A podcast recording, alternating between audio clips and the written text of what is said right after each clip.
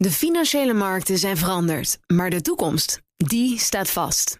We zijn in transitie naar een klimaatneutrale economie. Dit biedt een van de grootste investeringskansen van onze generatie. Een kans voor u om mee te groeien met de klimaatoplossingen van morgen. Meer weten? Ga naar carbonequity.com. Carbon Equity. Do good by investing better. Een goedemorgen van het FD. Ik ben Roger Cohen en het is vrijdag 27 oktober.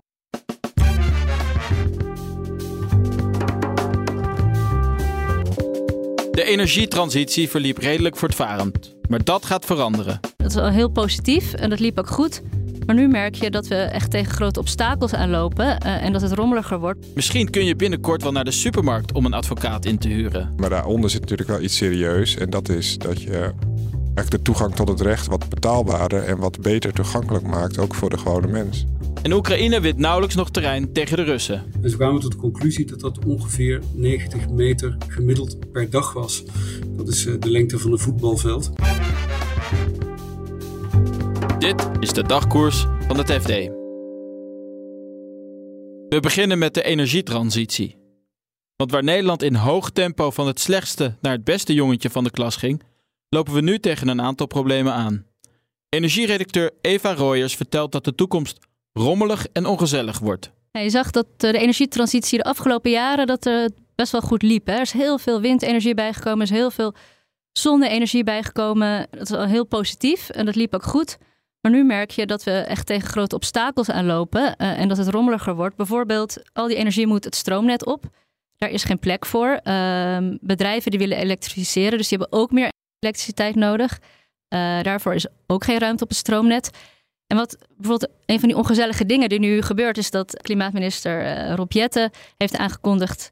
Jongens, er is zo weinig ruimte op het stroomnet. bedrijven moeten op die hele drukke momenten, dus vaak aan het einde van de dag, minder stroom gaan gebruiken. Zet bijvoorbeeld je machines maar dan even uit of, of doe iets anders. Als jullie dat niet vrijwillig gaan doen, dan ga ik jullie verplichten. Ja, bedrijven die zitten daar over het algemeen helemaal niet op te wachten. Uh, dus daar zie je dat het begint te schuren.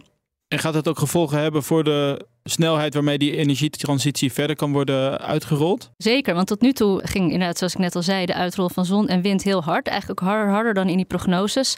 En dat begint nu in ieder geval bij, zon, bij zonne-energie zie je dat dat begint te stagneren. Want er is geen ruimte om die zonnepanelen aan te sluiten op het stroomnet. Uh, dus hele grote projecten, bijvoorbeeld van hele grote zonneparken, die kunnen steeds moeilijker doorgang vinden. Maar huishoudens zijn ook huiveriger geworden om zonnepanelen te leggen. Want je hoort nu allemaal berichten over zonnepanelen die uitvallen. En uh, energiebedrijven die een heffing gaan rekenen als jij uh, zonne-energie wilt terugleveren aan het net. Dus daar zie je dat, dat begint, problemen beginnen te ontstaan.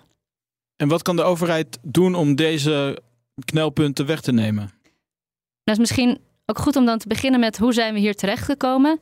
Uh, en de mensen die wij voor het artikel hebben gesproken, energie-experts, zeggen ja, eigenlijk is er van tevoren veel te weinig gepland en nagedacht over hoe alles met elkaar samenhangt. Want in de energietransitie hangt alles met alles samen. Je kan wel heel veel windparken neerzetten, maar als je niet nadenkt over hoe die wind dan bij bedrijven terecht moet komen, dan heb je een probleem, zoals we nu hebben. Of als er eigenlijk helemaal geen vraag nog is naar die elektriciteit bijvoorbeeld. Uh, want ja, zoveel elektriciteit, wie gaat dat gebruiken? Uh, dus daardoor moet er veel meer, eigenlijk een soort planeconomie moet er nagedacht worden over hoe gaat ons energiesysteem eruit zien? Welke stap nemen we op welk moment? En uh, wij zorgen als overheid dat dat zeg maar begeleiden die stappen.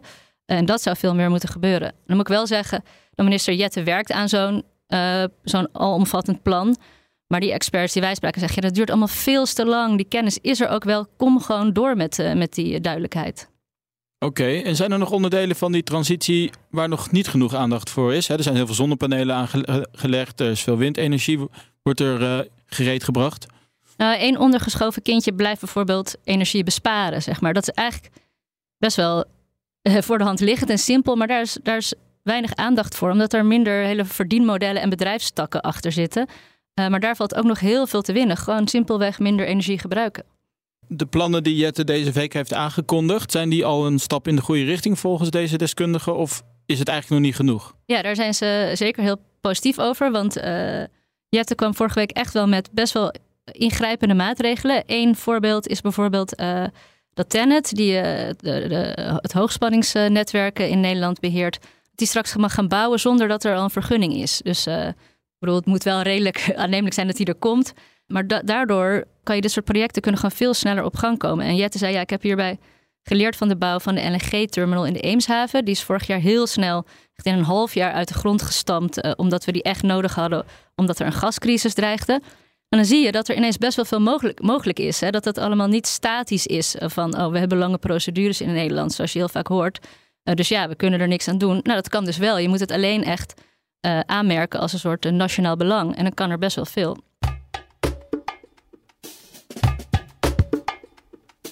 De markt voor advocatuur moet worden opengebroken, zodat bijvoorbeeld accountants ook een advocatenfirma kunnen beginnen.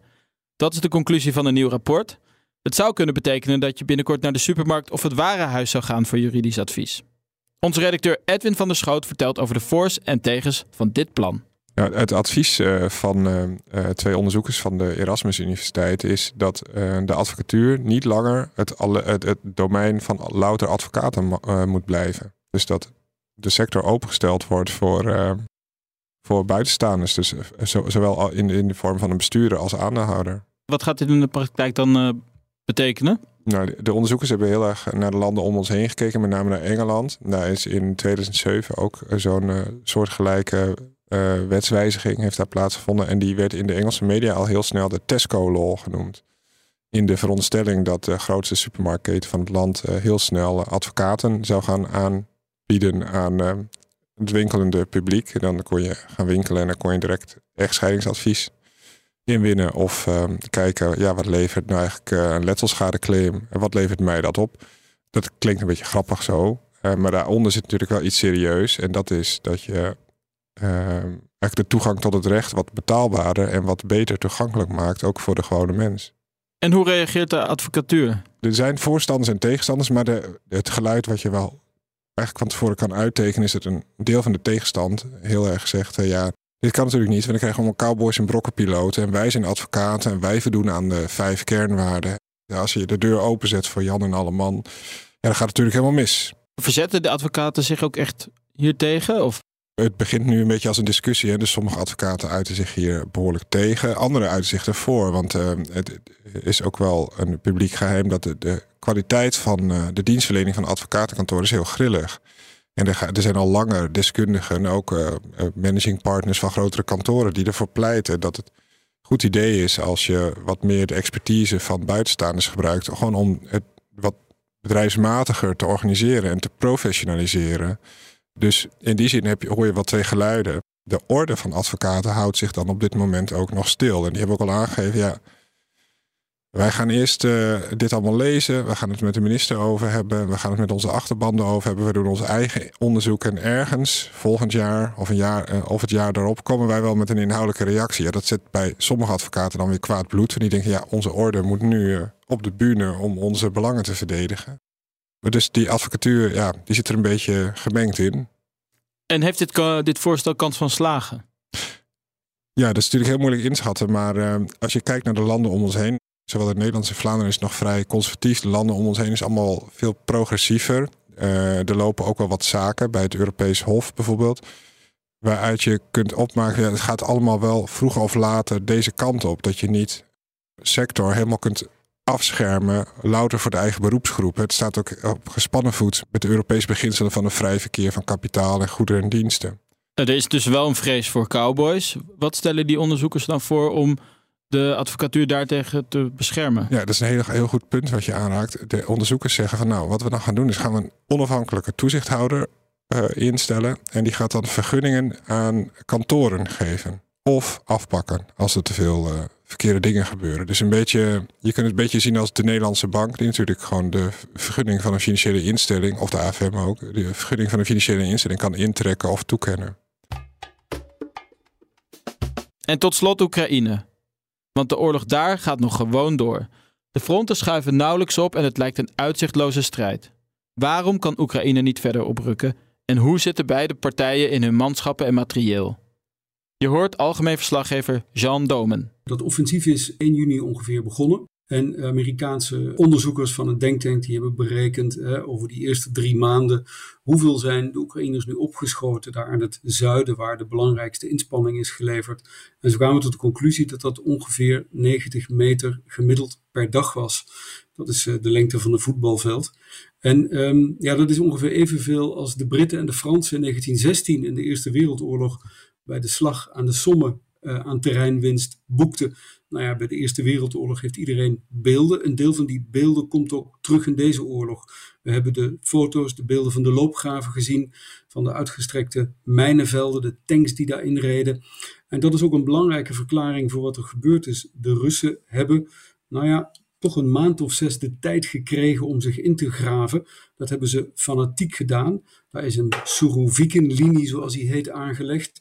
En niet één, maar die bestaat echt uit meerdere lagen. En in het begin was er optimisme, omdat Oekraïne er op een gegeven moment in slaagde een van die stellingen te kraken, zou je kunnen zeggen.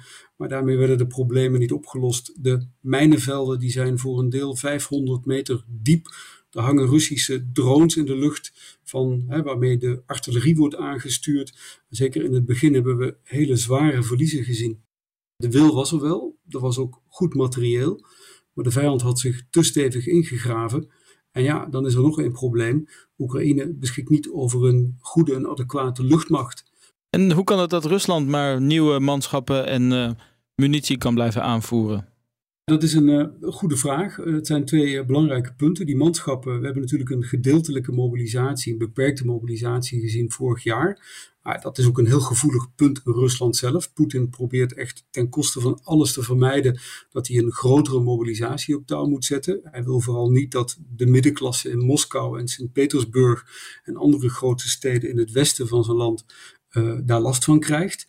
En uh, op dit moment zie je dat er grootschalig, uh, ja, eigenlijk immigranten, uh, gastarbeiders, zouden we vroeger zeggen, uit Centraal-Azië worden gedwongen om naar het front te gaan. Kleine vergrijpen die mensen begaan zijn voldoende. En de afgelopen weken kwamen er berichten bij dat er inmiddels ook onder vrouwen wordt geworven. Het is natuurlijk een gigantisch land met, nou ja, wat zal het zijn, nog 180 miljoen inwoners. en als je dat afzet tegen de nou ja, voor de oorlog 40, maar nu denk ik rond de 35 miljoen inwoners van Oekraïne, dan is Rusland echt een maat groter. Dan dat tweede punt, die munitie waar je terecht naar vraagt. Dat is een uh, probleem. Uh, Rusland heeft nog ongeveer 4 uh, eh, miljoen artilleriegranaten. Ongeveer een jaar aan voorraad. En recent is daar nog een lading Noord-Koreaanse granaten bijgekomen ook de hoop dat ze uh, door hun voorraad uh, bommen en granaten heen zijn, ja, die is ijdel. En zijn er dan nog lichtpuntjes voor de Oekraïners? Is er nog een kans dat ze wel een doorbraak kunnen forceren? Het belangrijkste wat ze de afgelopen maanden uh, is gelukt, en dat is niet onbelangrijk. We hebben een reeks aanvallen op de Zwarte Zeevloot gezien. En we hebben ook aanvallen gezien op de luchtverdediging uh, rond uh, de Krim, op de Russische luchtverdediging daar. Dat is succesvol geweest. We zagen de afgelopen maanden ook al dat een aantal booreilanden in de Zwarte Zee is heroverd. Nou, het gevolg daarvan is dat Rusland nu een deel van die vloot heeft teruggetrokken naar oostelijke havens in Rusland zelf. Dat is belangrijk omdat dat betekent dat Oekraïne beter in staat is die export van graan, een groot economisch belang. Rusland weigerde een tijd terug die graandeal die er was weer te verlengen en begon weer met aanvallen op haveninstallaties. Het ziet er nu naar uit dat uh, die export van graan, die voor Oekraïne economisch zo belangrijk is, in ieder geval weer op gang komt. Hoe dat verder gaat aflopen. De Russen kunnen natuurlijk altijd nog raketten afvuren. Maar het ziet er naar uit dat daar beweging in zit. En dat is een belangrijke winst voor Oekraïne.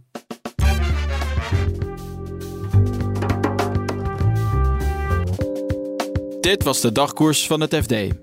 En wil je op de hoogte blijven van het nieuws in de wereld van het FD? Abonneer je dan op Dagkoers. Maandagochtend zijn we er weer met een nieuwe aflevering. Alvast een fijn weekend en graag tot maandag.